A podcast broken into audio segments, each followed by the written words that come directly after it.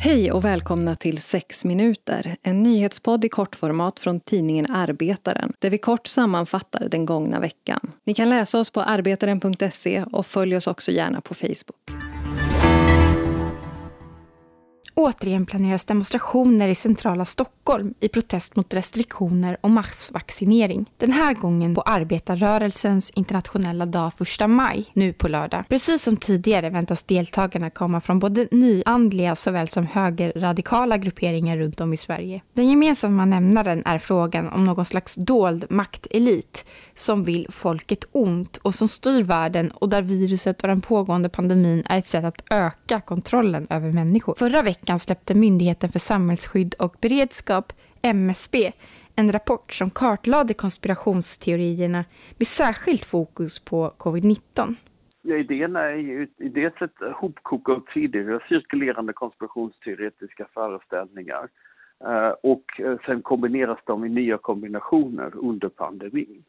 Det som är det intressanta dock är att det mobiliserar folk eh, över det politiska spektrumet så att du har liksom det här märkliga fenomenet att både folk som så att säga är gröna, alternativa eh, eh, och folk som är traditionella, auktoritära, nationalistiska samlas på samma scen. Det har vi sett i Tyskland till exempel, hur folk ur, ur miljörörelsen och ur extrema hö högerrörelsen på något sätt omfamnar varandra i den gemensamma systemkritiken. Det säger Andreas Önnerfors, professor i idéhistoria vid Uppsala universitet, till Arbetaren.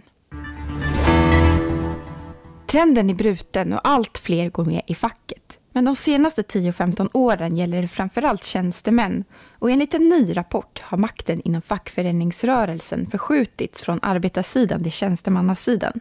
Även arbetsgivarna och politiken har stärkt sina positioner i den svenska arbetsmarknadsmodellen. Maktförskjutningen lyfts fram i rapporten Den svenska modellen 2020, pandemi och nytt huvudavtal från Arena Idé. Utvecklingen har enligt rapporten skett långsamt men stadigt under en längre tid. Men 2020 års huvudavtal, där PTK och Svenskt Näringsliv var de som undertecknade avtalet samtidigt som ett splittrat LO hamnade utanför, visar konkret att förändringen är här. Anders Kjellberg, professor i sociologi vid Lunds universitet och författare till rapporten, menar att det är internationellt unikt att tjänstemännen i Sverige har så stort inflytande inom den fackliga världen. I Turkiet pågår just nu rättegången mot ett hundratal politiker från det kurdiska vänsterpartiet HDP som anklagas för att ligga bakom flera dödsfall under en demonstration partiet kallat till 2014. Folkets demokratiska parti HDP, bildades 2012 och tog sig redan vid valet 2015 in i parlamentet som Turkiets tredje största parti. Partiet har starkt stöd från landets utsatta kurdiska minoritet men även från många vänsteranhängare, feministiska grupper och fackföreningsaktivister. Organisationer och försvarsadvokater menar att bevisningen mot de 108 anklagade HDP-politikerna är svag och att mycket av bevismaterialet är fabricerat. Flera av dem riskerar nu livstidsfängelse och långa fängelsestraff för ett åtal som av omvärlden ses som presidentens Erdogans chans att krossa oppositionen i landet. Partiet ses som farliga av president Erdogan och hans parti AKP eftersom HDP mycket väl kan få en vågmästarroll efter det planerade parlamentsvalet 2023 i Turkiet. Rättegången mot politikerna väntas pågå i minst två veckor och de inledande dagarna har en delegation från EU varit på plats i landet.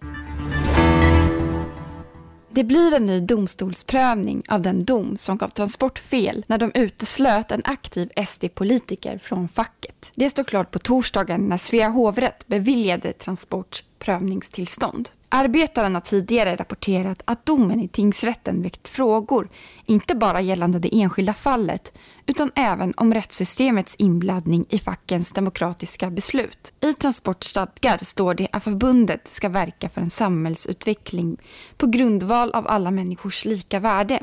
I Arbetaren frågade sig Erik Sjödin, docent i arbetsrätt vid Stockholms universitet, om fallet överhuvudtaget borde ha prövats i domstol. Men nu lyfter alltså Svea hovrätt Transports överklagan. Och nu över till sista ordet med Annie Hellqvist.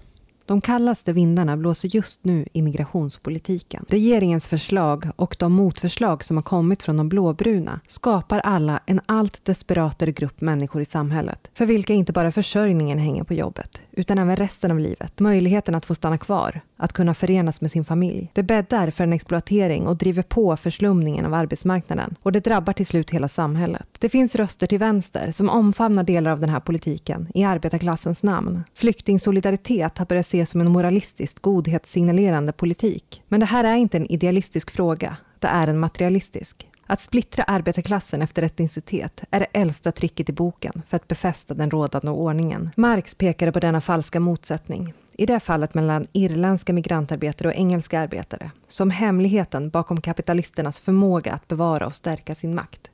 Enade vi stå, söndrade vi falla. Med en allt större grupp i samhället vars rättigheter är avhängiga deras chefers nycker kommer vi alla att försvagas. Det är underifrån våra rättigheter rinner ut och ingen är fri förrän alla är fria.